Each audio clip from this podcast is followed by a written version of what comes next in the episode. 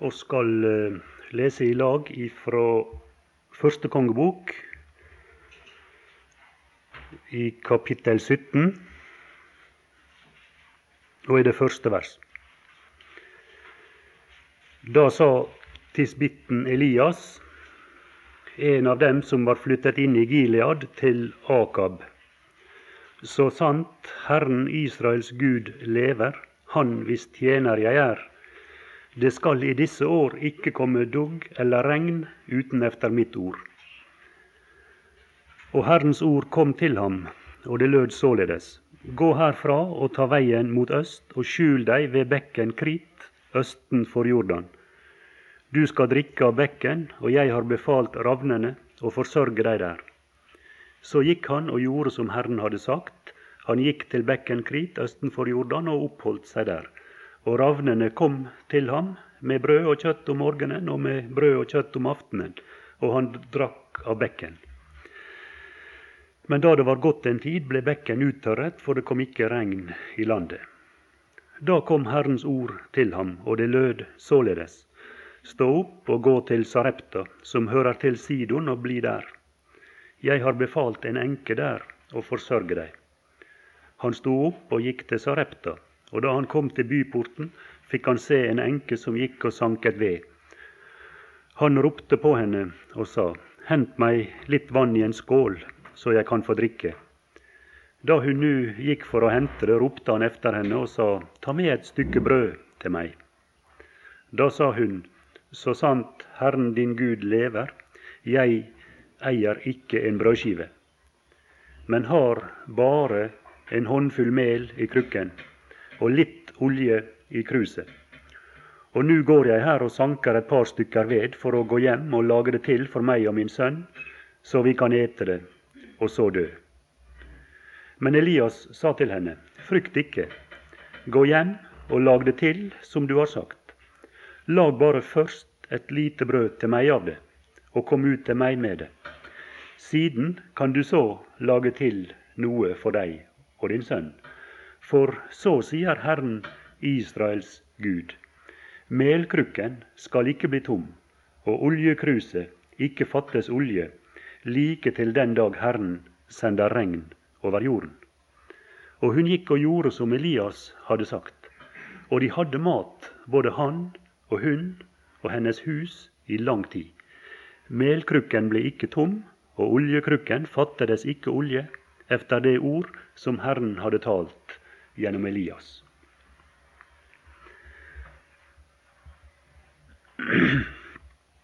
For, eh, for eh, ikke så lenge siden, det er bare noen få uker siden, så, så uh, var jeg på ja, Det ble visst kalt et seminar i forbindelse med arbeidet mitt. og Det foregikk på et hotell oppe på Dombås. og I en kaffepause så satt jeg der i hotellvestibylen, og så og så hadde det nettopp vært fylkesting på dette her hotellet, slik at disse her folka hadde hatt med seg eh, bygdebladene sine, lokalavisene sine, sikkert fra hver ei kommune i hele Oppland.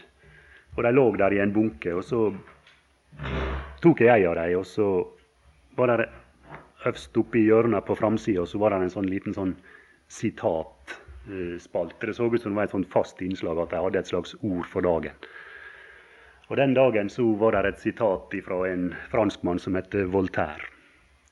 Og Han hadde visstnok sagt det at ethvert menneske blir som sin samtid. Jeg er ikke helt sikker på om dette er 100% ordrett, men, men, men, men, det var det han sa. Altså Tanken var det.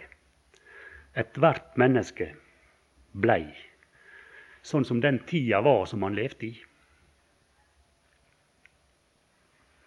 Tenkte på dette der og tenkte med meg sjøl at det, sannsynligvis så, så tar du feil.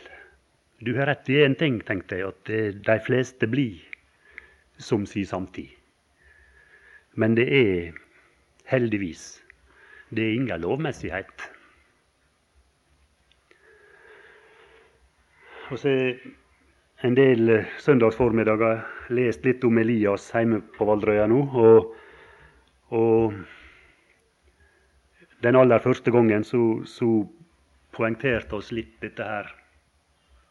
At han i en, del, en del, god del ganger når han er nevnt, så er han omtalt som den Elias, den Guds mann.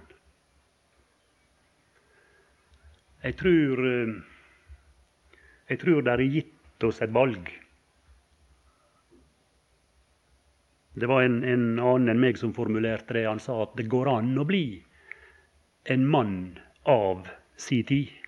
Det er omtrent det som Voltaire sa. Men det er gitt ei voldsomt fin mulighet. Du kan, som en troende, bli en mann for di tid. Og det var, mange, det var noen sånne i Guds ord. Som blei menn som kom til å bety noe for si tid, for sitt folk i den tid de levde. Og mange av disse her menn, de blei slik fordi de var blitt nært knytta til Gud. Vi leser om Moses, den Guds mann. Elias, den Guds mann. Elisa, den Guds mann. Og om flere andre er det sagt 'den Guds mann'.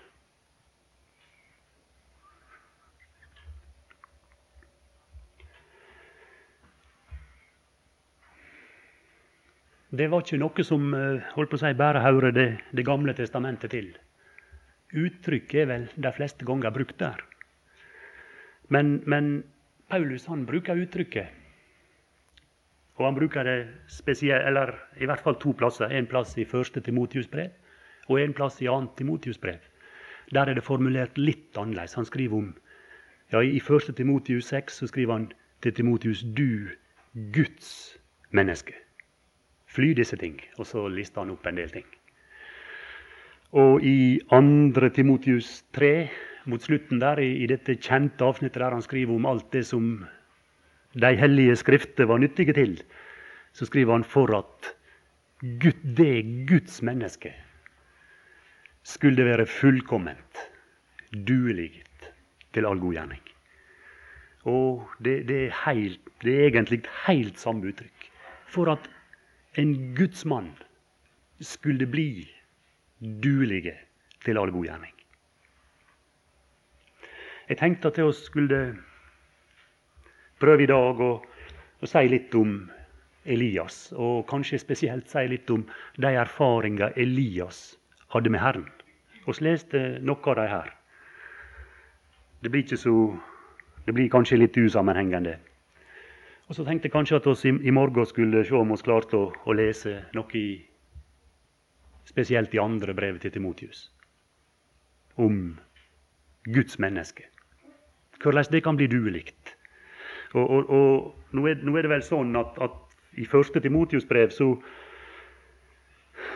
så er det skrevet noe om hvordan han skulle ferdes i, i Guds forsamling. Og der er vel på et vis Jeg holdt på å si tinga er på sin plass. Tinga er i, i, i, de fleste sammenhenger så er tinga i orden, liksom.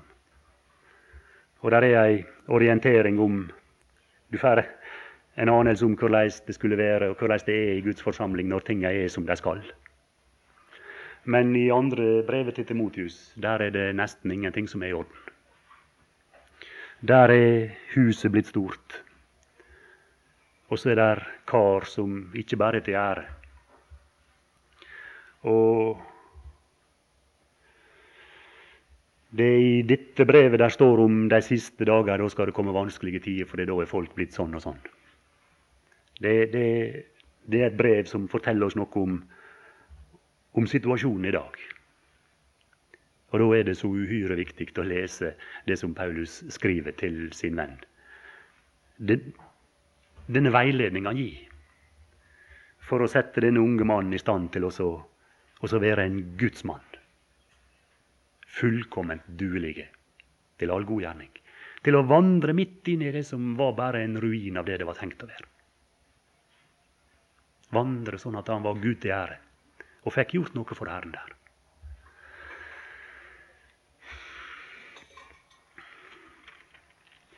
Disse her eh, Guds menn som sto fram i Det gamle testamentet, de sto fram ofte når det, det var dårlig stelt med Israels folk, med Guds folk. Moses han kom på et tidspunkt når de var langt nede. Elias kom som han las om her, han kom når de var langt nede. Der hadde aldri vært noen konge som Akab, står der. I kapitlet før der oss leste, så står det i det 33. verset at han bar seg verre att enn noen av de konger i Israel som hadde vært før. Han var verre. Verre enn verst, vil også være sagt. Og da er det Elias er der. Så jeg, der er en annen mann. Jeg tenkte litt på han når jeg eh, holdt på å si jeg lå med litt sånn ryggplage, så lå jeg på gulvet og tenkte litt på jobb. Jeg vet ikke akkurat om uttrykket Guds mann er brukt om Jobb. Men han var det. Det føler jeg meg sikker på. Og når jeg leser det som er kalt for Jobbs visdomstale, mot slutten der i Jobbs bok Når han ser tilbake, og så minnes han ei tid, som han sier, da Guds vennskap hvilte over mitt telt, sa han. Det var i hans manndoms modne år. Da erfarte han det, at det Guds vennskap hvilte over hans telt. Og Guds lampe, den lyste over mitt hode, sier han. Og ved hans lys så vandrer jeg gjennom mørket. Det ser ikke ut som at det, hans samtid var så voldsomme. Hans omgivelser var så voldsomt lyse. Men han hadde lys ifra Herren, og ved det lys så vandra han gjennom mørket. Og i kapittel 29, det er begynnelsen av kapittel 29 i Jobbs dette her. Og når du leser nedover, da, så får du et inntrykk av hvordan den vandring var. Og det kan summeres i ei av de setningene som står der. Alle de som så meg, de priste meg, sa han. Det blei ei vidunderlig vandring ut av det. Denne mannen og det samfunn han hadde fått pleie med himmelens Gud. Og så levde han Guds egenskaper ut iblant sitt folk. Og så der, er det nevnt sånne ting som at han, ja, han, han kunne få enkens hjerte til å juble, står der f.eks. Han berga arminger, står der. Aldri var der en veifarende som måtte ligge utafor hans hus om natta. Han åpna sine dører. Ja, så står dette der voldsomt fine ordet mot slutten. At når de, når de andre når de var motløse, så smilte han til dem. Og og så var det ingenting som kunne formørke hans åsyn. Det var sånn de var, disse her gudsmenn. De kjente Herren. Så ble de prega av det kjennskapet. Og så, og så fikk de innflytelse når de kom ut iblant de andre.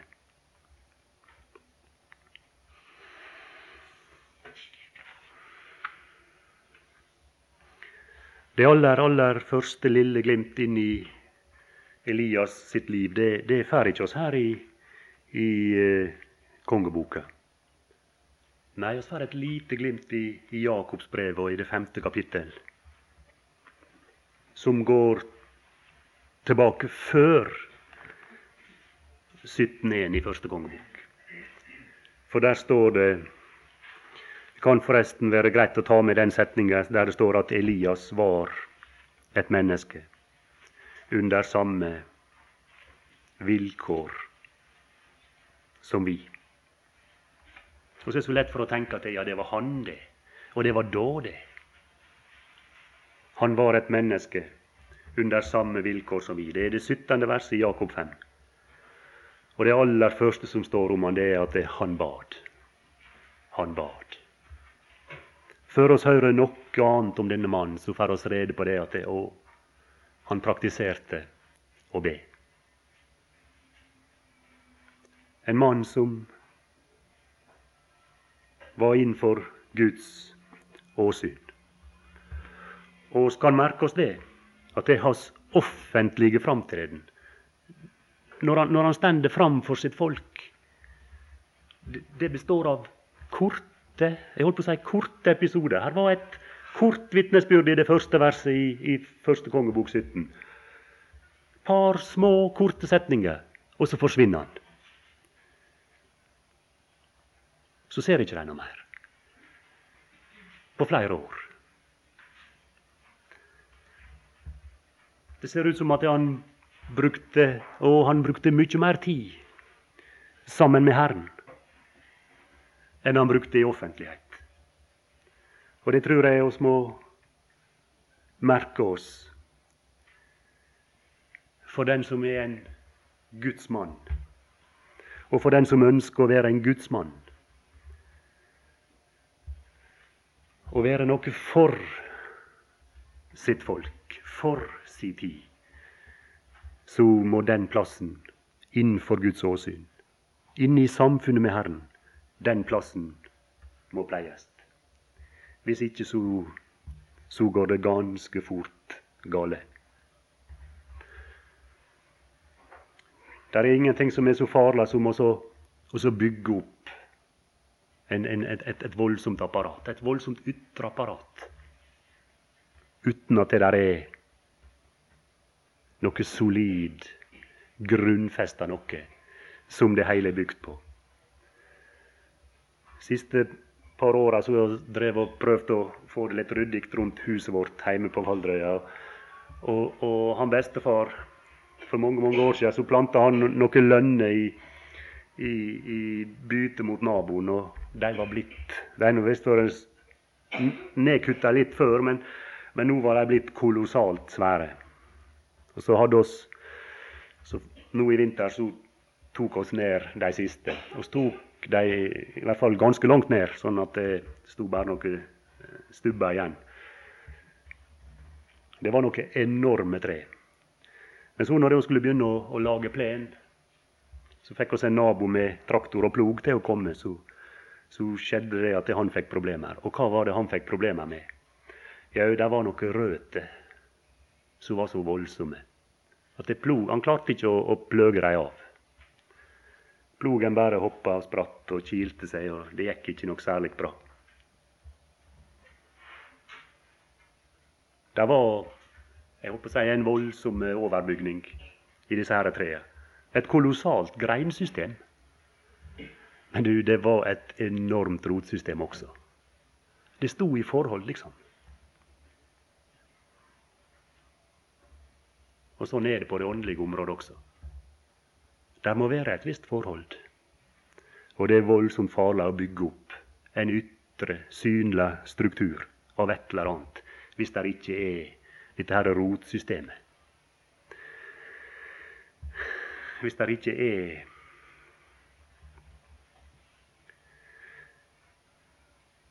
en daglig omgang med Herren, en stadig pleie av samfunnslivet med Herren.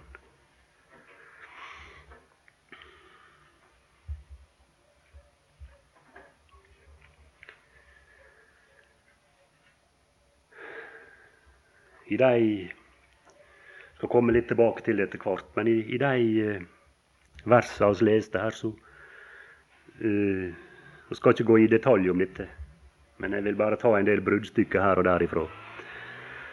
I de versene vi leste, så så blir profeten på forskjellig vis forsørga av Herren. Det er Herren som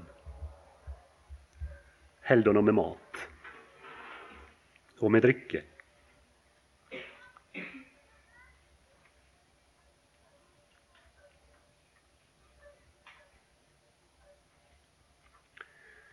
Han var avhengig av Herren. Han var i sånne omstendigheter der at han var avhengig av Herren.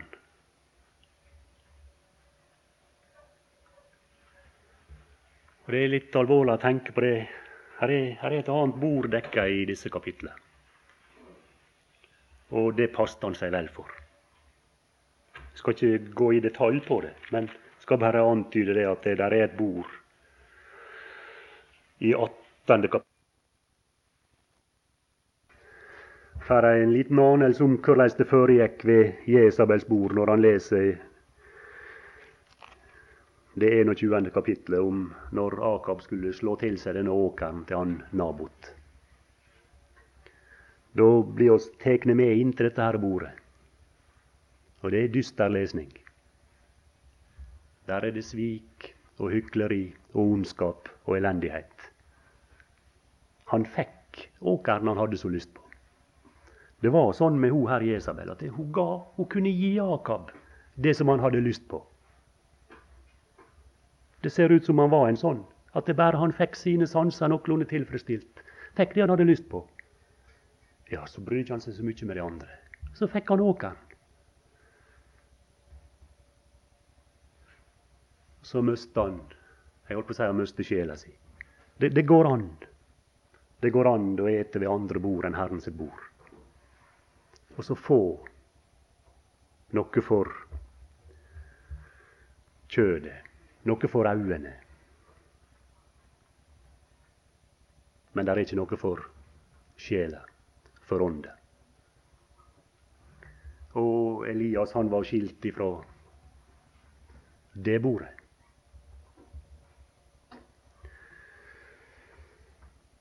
Jeg sto her i 17.1.: Så sant Herren, Israels Gud, lever, Han hvis tjener jeg er. Og han var seg bevisst én ting. Der er én mann som er min herre. Der er én mann som jeg står til regnskap for. Jeg veit ikke om det var så mange andre, ja det var sikkert noen andre, men det var ikke så mange andre i Israel som tenkte det at det Herren lever. Men han tenkte det, og han trodde det. Og han handla som om det var sant at Herren levde. Og Så møter en annen i neste kapittel som, som, som det også står det om at han frykter Herren høylytt. Men han hadde en annen herre ved siden av. Og så gjorde tjenesten hans vanskelig. Og så blei det så voldsomt mye som måtte foregå i smug og i skjul. Og så var det mye frykt og mye redsel.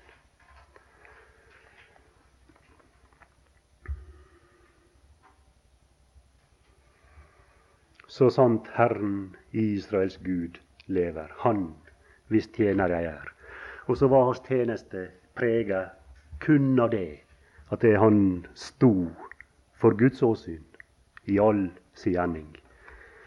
Andre brevet til Timotius, vind, fem, eh, andre kapittel og 15. vers. Legg vind på og fremstille deg for Gud. Og som en som holder prøve. Ha det i tanke, til Motius. At du står for Gud som en som holder prøve. Som en arbeider som ikke har noe å skamme seg over. Vær deg bevisst det samme som Elias var seg bevisst. Det er Gud du står for.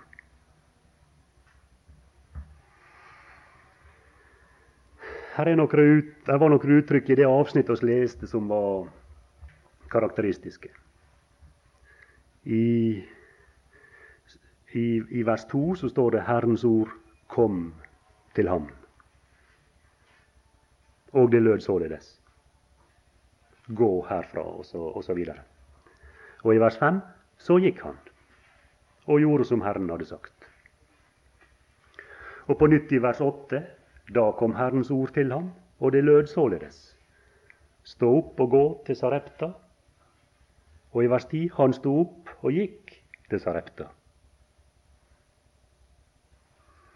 Og i kapittel 18 og i vers 1 Lang tid deretter, i det tredje år, kom Herrens ord til Elias, og det lød således Gå og tred frem for Akab. Og i vers 2 Og Elias gikk av sted for å trede frem for Akab. Og i 1836, mot slutten, eller midt i verset, la det i dag bli vitterlig at du er Gud i Israel, og at jeg er din tjener, og at det er på ditt ord jeg har gjort alt dette. Det er ganske fint. Herrens ord kom, og så gikk han. Og så ser oss i hvert enkelt tilfelle at det Herren lønner hans lydighet. Og så kunne han si det. Det er på ditt ord, Herre, jeg har gjort alt dette. Denne Guds mann, Elias, han, han gikk når Herren sa at han skulle gå. Og så gikk han dit Herren sa at han skulle gå. Og når han kom dit, så gjorde han det Herren ville han skulle gjøre. Eller han sa det Herren ville ha sagt. Ikke noe mer, og ikke noe mindre. Han gjorde noen forunderlige erfaringer av denne her Herren som dirigerte han sånn skrittvis av gårde. Når han satt her ved denne bekken, så, så han fikk beskjed du skal drikke av bekken. Jeg har befalt ravnene å forsørge deg der. Og Så gikk han og gjorde som Herren hadde sagt. Han gikk til bekken Krit østenfor Jordan og oppholdt seg der. Og ravnene kom til ham med brød og kjøtt om morgenen og med brød og kjøtt om aftenen. Og han drakk av bekken.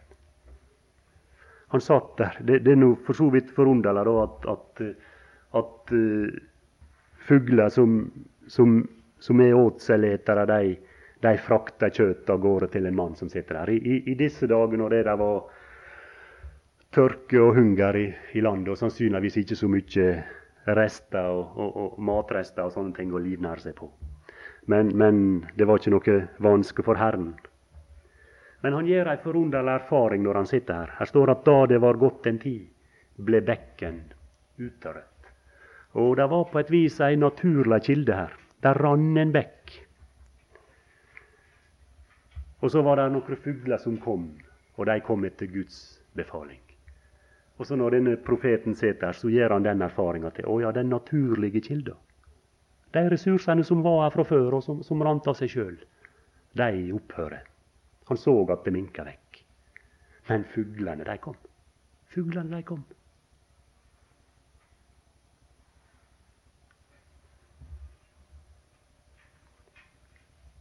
Når Herren hadde befalt ravnene, så, så kom ravnene.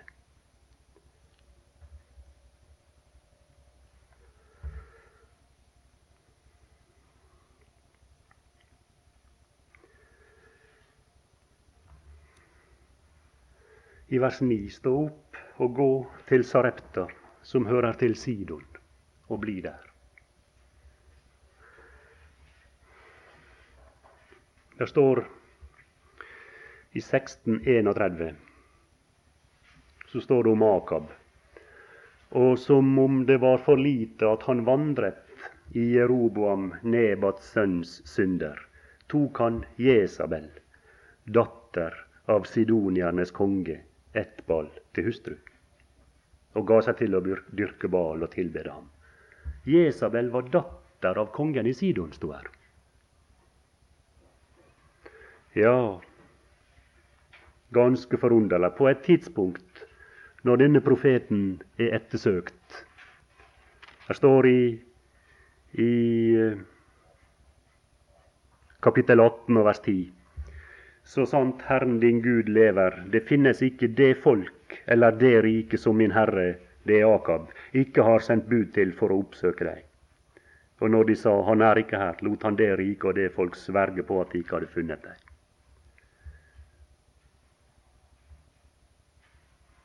Han Akab hadde sendt ut sendebud til hver en konge, til hvert et land, for å få rede på er Elias der. Gjemmer han seg med dere? Og så av alle plasser da, så, så blir Elias av Herren sendt til Sidon, til Sarepta i Sidon. Det måtte nå vel være det landet der Jesabel hadde de aller beste forbindelser. Det var nå der hun kom ifra. Og ikke nok med det, men jeg har befalt en enke der å forsørge deg. Ei enke. Det er i Guds ord sjølve Jeg holdt på å si bildet av skrøpelighet. Av ynkverdighet. Det er ikke noe som, som liksom i beretningene her påkaller vår medynk, sånn som når det er snakk om ei enke. Da ser oss for oss en person som, som har mist sin forsørger, og som er vanskelig nok med å opprettholde sitt liv. Jeg har befalt ei enke å forsørge deg. Og det er så fint. Når, når, når Herren hadde bestemt at det er min profet, han skal være trygge, og han skal få alt han trenger hos ei fattig enke i Sidon, ja, så går det sånn. Det var en konge som en, en gang var i nød. Han sto overfor ei overmektig hær. Kong Asa. Han ropte til Herren i den situasjonen. Det finner oss i 2. Krønikebok 14 og det 11. vers. Herre, for deg gjør det ingen forskjell, enten du hjelper den mektige eller den maktesløse. Det er ofte store forskjell for meg. Fordi jeg er så lett for å se på hva jeg har av ressurser her og ressurser der. Hva jeg kan regne med. Herre, for deg gjør det ingen forskjell. Og det er noe fint med å få løfte blikket litt opp over de omskiftelige ting her nede. Og så se at det, der er en der oppe som er fullstendig uavhengige av ressursene her nede. Ingen forskjell for deg. De naturlige forutsetningene de betydde ingenting for at Herren skulle få gjort det han ville ha gjort. Og Så var denne her kvinne Ja, det var en fortvila situasjon. Hun, hadde ett måltid igjen. Det var det, siste, det var det hun så fram til skal jeg gå hjem igjen og så skal jeg ta den siste skvetten med olje og den siste håndfullen med mjøl, og så skal jeg lage et måltid. Ett måltid. For gutten min og for meg. Og etter det så så hun bare døden. Ja, det var ikke strie Det var ikke særlig stritt. Og så er det så fint. Elias sitt, sitt vitnesbyrd. Og det makter på et vis å, å løfte denne kvinnen sitt blikk også. Han, hun, hun, så bare den resten i oljekrukka og i mjølkruset. Hun bare så disse restene som ble mindre og mindre og mindre for hvert måltid. Og nå var det ett igjen. Og Elias han så noe annet. For så sier Herren, og han så en som var uavhengig av alle forhold i denne verden. Og så makta han å løfte denne her kvinnen sitt blikk også. Og så på, og så, og så på dette løftet så går hun. Og så handler hun sånn som Elias hadde sagt. Og så, så, så har de mat i lang tid. Det, det, er ganske fint. Det er en ganske forunderlig Gud. Ja Der er et spørsmål et vantro folk som, stiller et spørsmål. I Salme 78. Det er en av disse læresalmene som Asaf har skrevet.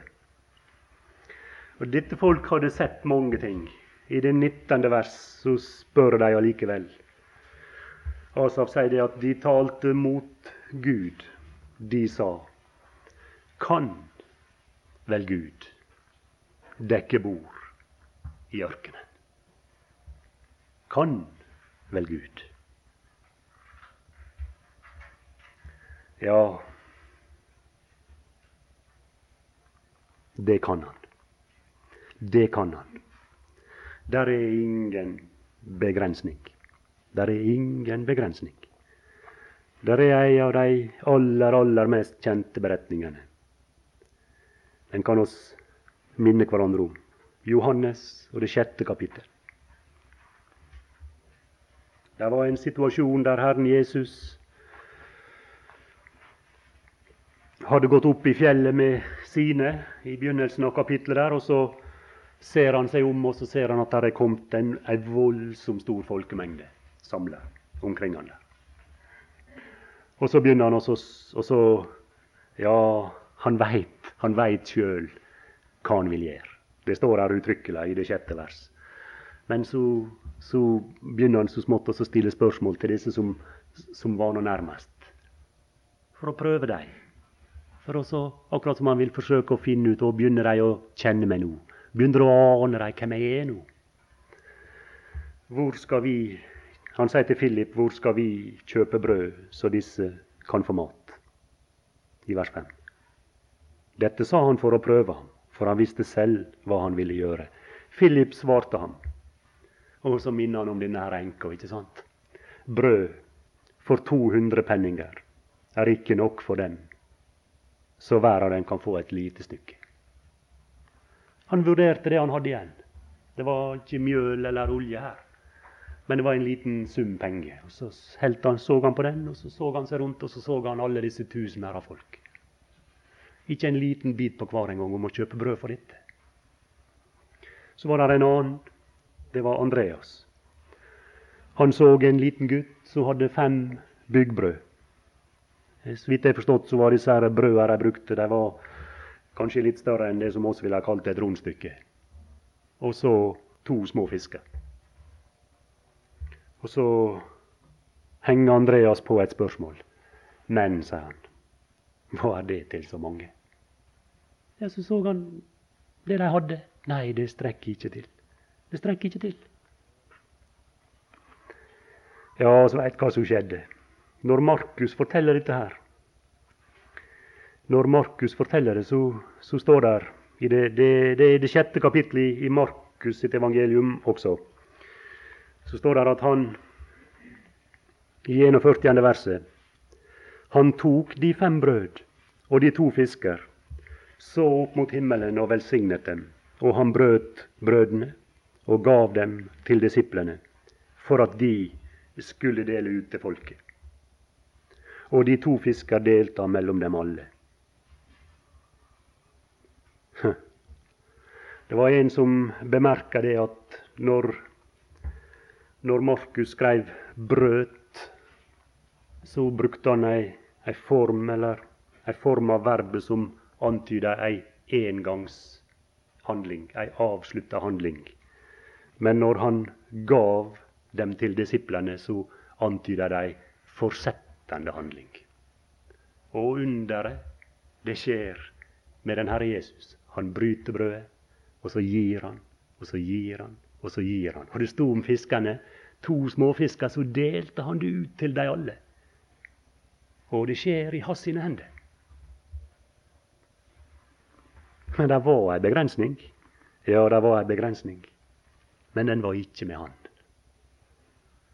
Her står i, i, Hvis vi går tilbake igjen til Johannes, 11. vers, da tok Jesus brødene, takket og delte dem ut til dem som satt der, likeledes av småfiskene så meget de ville ha. Og så står der ei setning men da de var blitt mette. Ja, det var ei begrensning, men den var ikke med Herren. Og den var med folket. Jeg var på Jeg nevnte visst det helt til å begynne med at jeg var på et sånt seminar oppe på Dombås. Og på det hotellet så var det voldsomt god mat. Sånn koldt bord til lunsj. Og og det var sånn at der bare gikk du og forsynte deg det du makta å ete. Og, og, jeg var nå flittig. Gikk nå rundt det bordet både én og to ganger. så en tredje gang for å få litt sånn dessert. Så hadde, satt jeg la meg rett overfor meg, så satt uh, holdt på å si sjefen, rektor på Ingeniørhøgskolen i Trondheim. Og så, og så, og så røste han seg opp og så kakka meg på skulderen. 'Du skal vel gå en runde til, Willy', sa han Så her måtte jeg bare se på han og så sånn, riste på hodet. Nei, nå, nå er jeg mett. Det var nådd ei grense. Og det var, var mye igjen på bordet. Og massevis. Jeg kunne ha gått og gått rundt det bordet og ete. Men, men det var ei begrensning her. Og der er ingen begrensning med Herren. Han kan dekke bord i ørkenen. Kan være ganske viss på det. Der er ingen begrensning hos Herren. Å, der er begrensning, men den er med oss. Ja, det var, det var en jeg, jeg, kan holde på litt til, kanskje. Ja. Det var en tanke til. Det var en tanke til. Den, den kan oss finne en liten sammenheng i Lukas evangelium.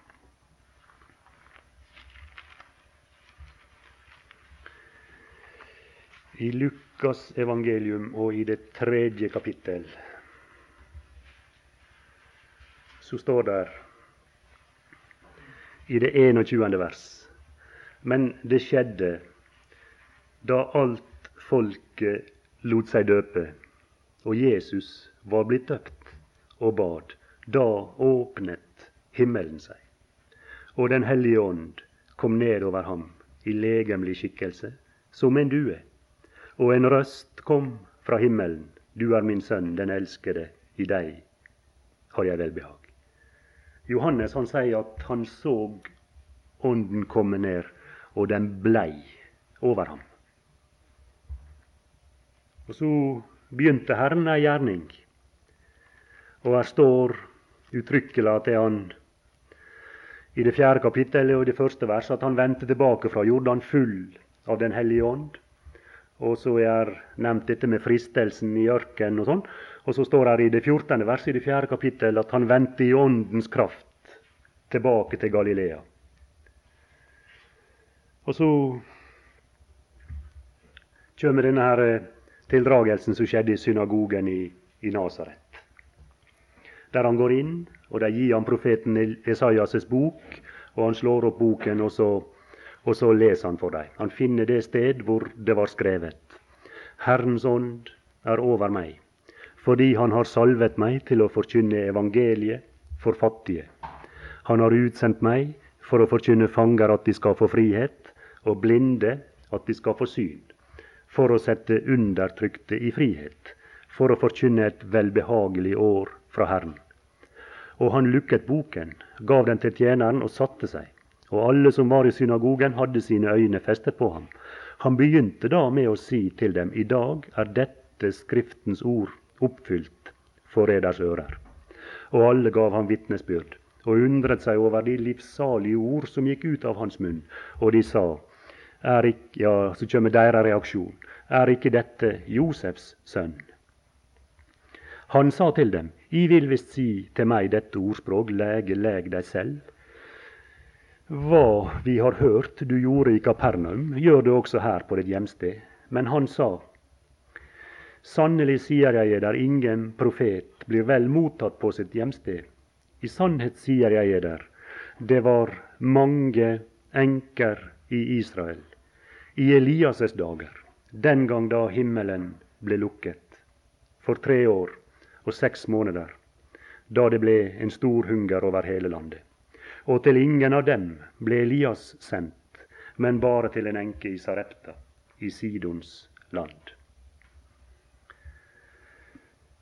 Jeg tenkte på dette lille uttrykket. Eller disse to uttrykkene, egentlig. Det første som vi leste i kapittel 3 og vers 21 til slutt i det verset så står det at det da åpnet himmelen seg. Da åpnet himmelen seg.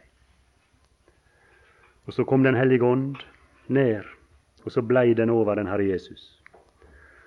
Og så sa han, når han leste her i, i synagogen i Nasaret, Herrens ånd er over meg, fordi Han har salvet meg for å forkynne evangeliet for fattige. Han har utsendt meg for å forkynne fanger at de skal få frihet, og blinde at de skal få syn, for å sette undertrykte i frihet, for å forkynne et velbehagelig år fra Herren. Ja, hva er dette? Ja, det kan summeres til den ene setninga i det tredje kapittel. Det er en åpna himmel. Det er en åpna himmel. I dag, sier han, er dette Skriftens ord oppfylt for deres ører. Ha. Ja, det var dette han kom med. Det var dette han kom med.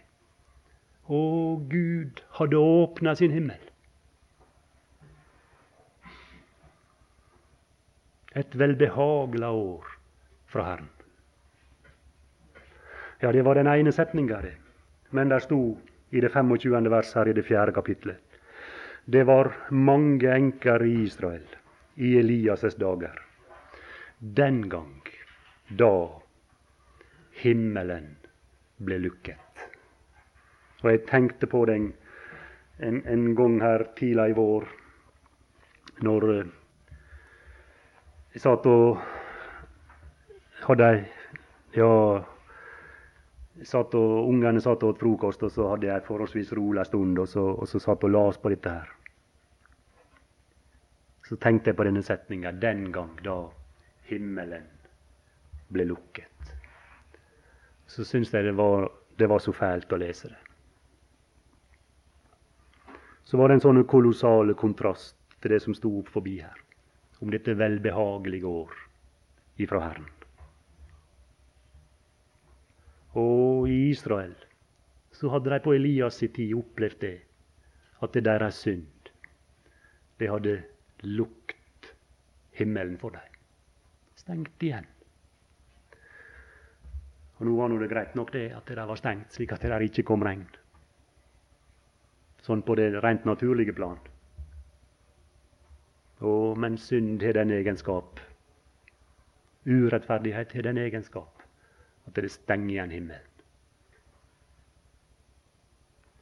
Men så er det så vidunderlig fint når jeg tenkte på Elias, her han sitter ved Krit, og når han sitter her i Sarepta, Sarepta i lang tid. Der sto det. De hadde mat i lang tid, sto der.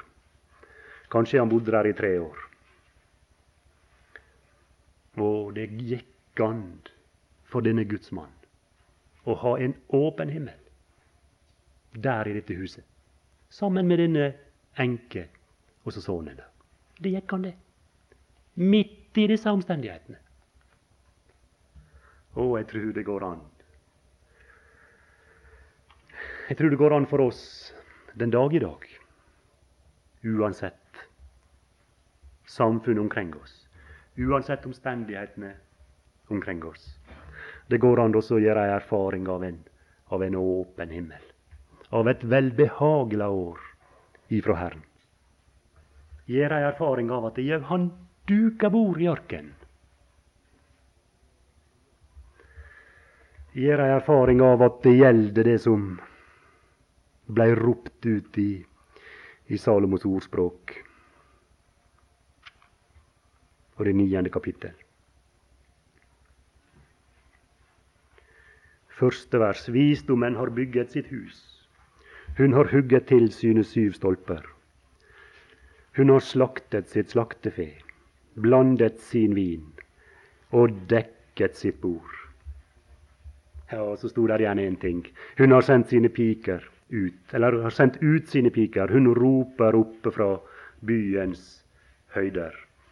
Den som er enfoldig, han vender seg hit. Til den som er uten forstand, sier hun, kom. Et av mitt brød, drikk av den vin jeg har blandet. Å, der er en invitasjon til et bord. Herren dekker bord. Ja, nå er det sånn at eh, når, når, når Guds ord skal fortelle historier om de som var Guds menn. Når Herren skal fortelle om sine helter, så forteller han oss hele sannheten om dem. Det er ikke slik som når historier blir skrevne om, om, om eh, holdt på å si, alminnelige, alminnelige historier blir skrevet, historier blir skrevet om, om denne verdens menn, så er det ofte mange ting som liksom blir støkket under en stol. Som er av en sånn karakter at de, de er ikke særlig sånn flatterende for personen om det kommer fram, så det, det skriver ikke oss, liksom. Men, men, det er litt fint, og det er litt oppmuntrende for oss at det oss lærer Guds helter å kjenne som, som, som, folk som hadde feil. En gang iblant så, så gikk det gale. Så kan tenke på en mann som David. Han var mann etter Guds hjerte, men vi vet at det, det var ting som skjedde i Davids liv, som, som, som, ikke var noe for oss å ta til eksempel.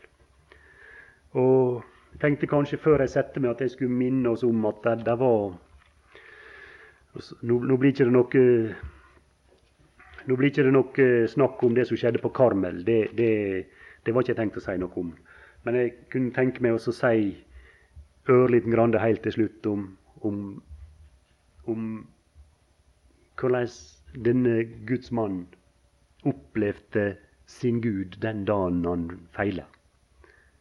Når den dagen kom at, at han plutselig ikke hadde tid til å vente på Guds ord lenger, men han sprang på egen hånd. For den dagen kom, og den kom like etter at han hadde vunnet det som så ut som det var en sånn knusende seier der på Karmelfjellet. Når Jesabel får rede på dette her, om alle disse her uh, Bals og Astarte-profetene som var blitt drept, og sånn, så, så sender hun trusselbrev til Elias med en gang. og Vi leser om det i det 19. kapittel. Og Da står Elias sin reaksjon i vers 3 kort og godt at han ble redd. altså. Det er det det betyr. Han drog bort for å berge livet, står her. Og Så han, endte han ut i ørkenen, og så sitter han under en gyvelbusk, og så ønsker han seg døden. Så var han så langt nede som noen kan være. Følte at det allas tjeneste den var forgjeves. Og der ligger han, og så, og så søver han. Og så er det så fint, det som står i vers 5. Så la han seg ned og sov inn under en juvelbusk. Da rørte en engel ved ham og sa til ham, stå opp og et. Og så er det akkurat det som han trenger, like i hans nærhet. Så gjør han altså den erfaring også i denne situasjonen at, det, at det Herren, han dekker bord. Han dekker bord for sin tjener også når han